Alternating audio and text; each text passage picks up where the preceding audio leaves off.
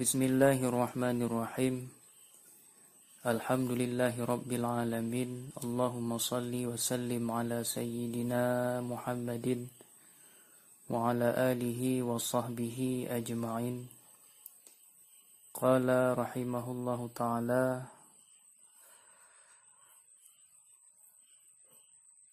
فيجب في حقه تعالى الوجود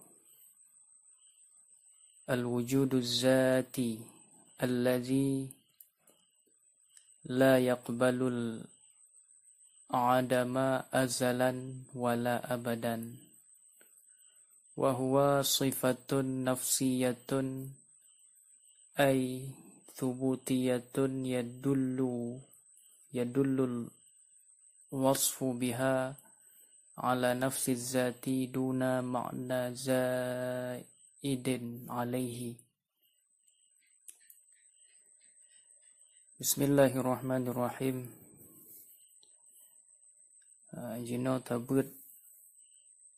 Masalah Sifat yang pertama Yang na pada Allah Ta'ala Iaitu sifat wujud. Fayajibu fi haqqi Fayajibu fi haqqihi ta'ala Al-wujudu zati maka wajib pada hak Allah Ta'ala oleh sifat wujud iaitu wujud yang zati. Kiban yang dimaksud dengan wujud zati wujud zati adalah wujud sesuatu yang hana dijadikan li lain. Jadi wujud Allahnya adalah wujud zati. Wujud secara zat. Wujud yang hana dipejit ligob. Berbeda dengan wujud makhluk.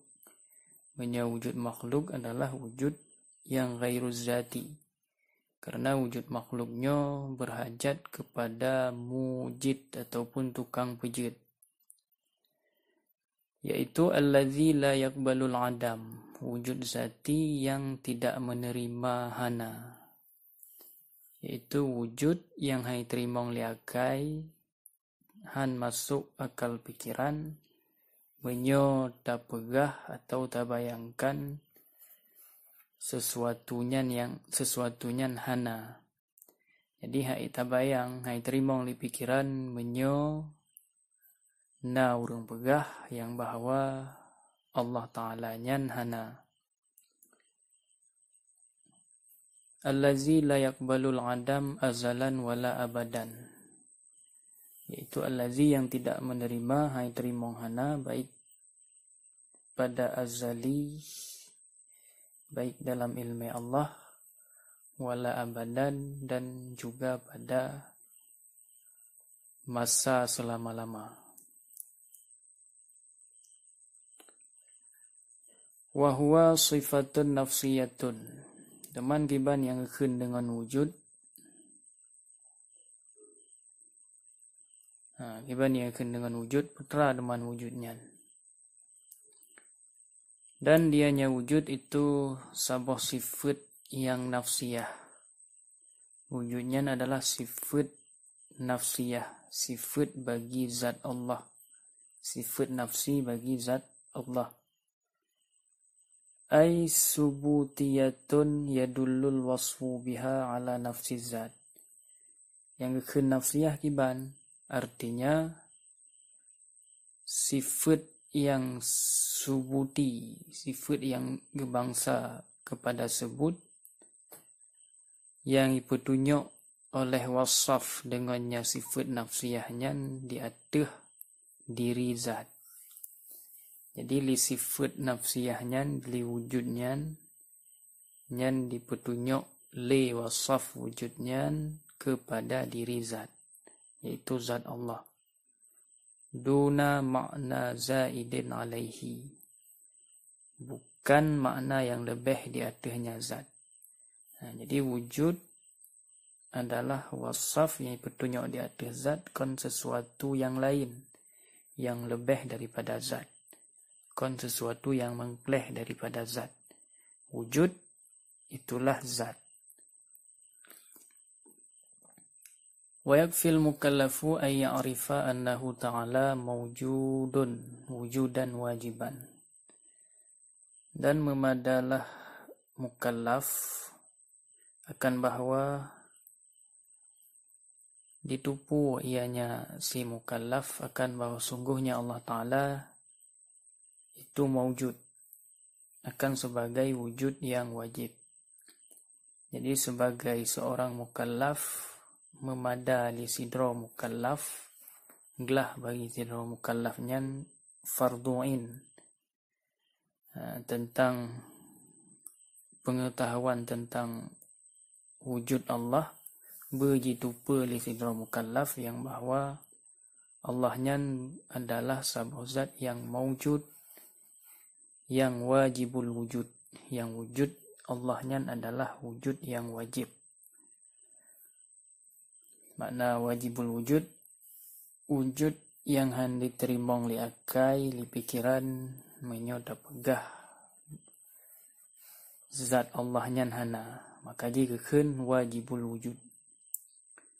Wala yajibu alaihi ayya arifa anna wujudahu ta'ala عين ذاته أو غير ذاته لأن ذلك من غوامض علم الكلام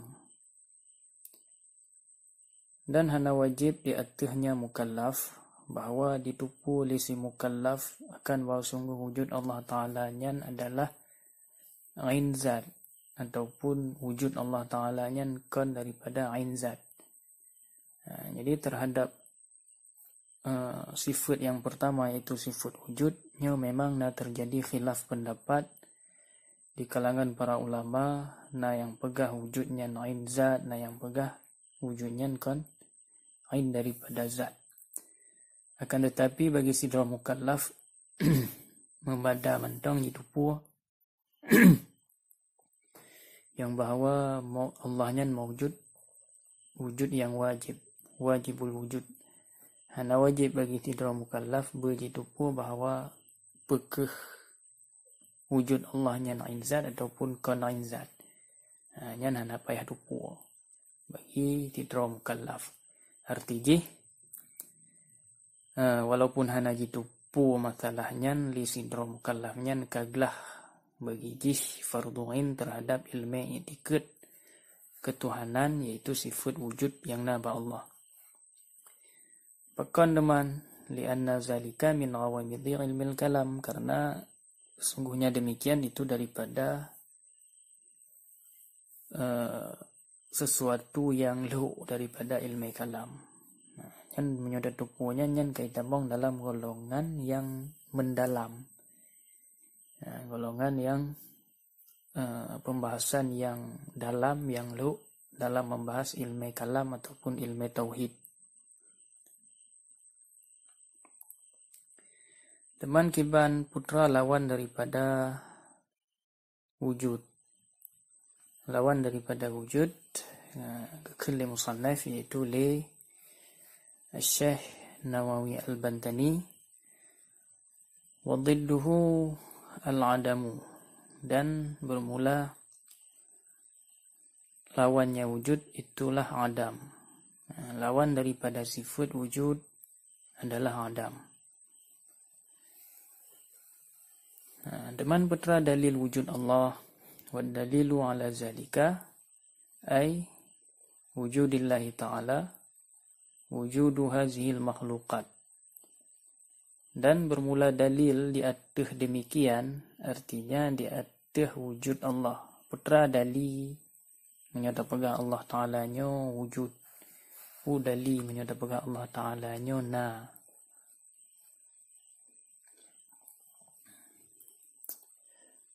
dalil dia adalah wujud hazil makhlukat wujud ini segala makhluk ha, jadi dalil Allah adalah nama na makhluk Ha, dalil na Allah na makhluk. Ha, teman kiban cara menyo na makhluknya menunjuki kepada na Allah. Na makhluknya jid ke dali, jid ke bukti yang bahawa na Allah. Ah, kiban cara pedang dali? Wa kaifiyatu tartibi iqamatin dalil ala wujubi ala wujubi wujudihi ta'ala dan taqula. Dan bermula kaifiat menyusun dan bermula kaifiat menyusun pedang dali di atas wajib wujudnya Allah Ta'ala. Bahawa engkau kata Al-alamu minal arshi ilal farashi hadisun. Ay mawjudun ba'da adamin. Wa kullu hadisin lahu sani'un. Wajibul wujudi. Fal alamu lahu sani'un. Ha, jadi cara budang dali ni sebagai contoh dah kun alamnya daripada arash hingga kepada farash iaitu kepada buma ataupun kepada kerak buma kedih bermendum Ya, jadi keseluruhan jih alamnya bersifat dengan sifat hudus. Alam semestanya dari ujung langit sampai umuyub bumanya adalah bersifat dengan sifat hadis atau hudus. Betul makna hudus. Artinya mewujud jih setelah hana. Mewujud alamnya diawali lihana. Jadi segala alam dan awal dile alamnya hana. Ha, jadi menyo memang tip-tip sesuatu yang diawali lihana lehnya na nyan pasti sesuatu nyan na urang yang benar ha, wa kullu hadisin lahu sani'un dan bermula tip-tip yang baru bagi tip-tip yang baru nyan itu na sane na tukang pegat adanya sang pencipta Segala sesuatu yang diawali lihana dengan na yang pasti na yang menciptakan. Yang pencipta tersebut mestilah sebuah zat yang wajibul wujud yang bersifat dengan wajibul wujud. Ya. Yaitu zat yang tidak diterima liakai menyo tak bayangkan atau menyo tak pegah zatnya hana.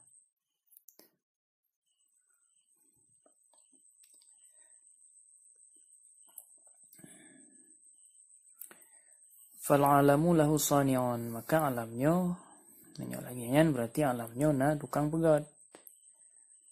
Ya zaman so tukang pegat ji tukang pegat tidak lain adalah zat yang wajibul wujud yaitu Allah taala summa kaunus sani'i huwallahu huwallahu taala mustafadun min ad-dalilil wahdaniyah Teman kiban cara terdupu tukang pegat alamnya adalah Allah. Kemudian keadaan sanek pencipta dianya itu adalah Allah itu diambilkan faedah daripada dalil wahdaniyat. Jadi untuk tertupu untuk lebih yakin yang bahawa pencipta alam semestanya adalah Allah yang idih dakalon di dalam dalil wahdaniyat. Ya, jadi untuk terpastikan yang yang bahawa pencipta adalah Allah yang hidih kita bahas dalam sifat wahdaniyat Allah wa haitsu wajaba lahu ta'ala al-wujudu istahala alaihi dhidduhu jadi sekira-kira wajib bagi Allah Ta'ala wujud Niscaya mustahil di atas Allah yang lawan daripada wujud Iaitu Adam jadi menyatakan pastikan bahawa Allah Ta'ala yang bersifat dengan sifat wujud yang otomatis mustahil niba Allah bersifat dengan Adam iaitu lawan daripada wujud. والله أعلم بالصواب.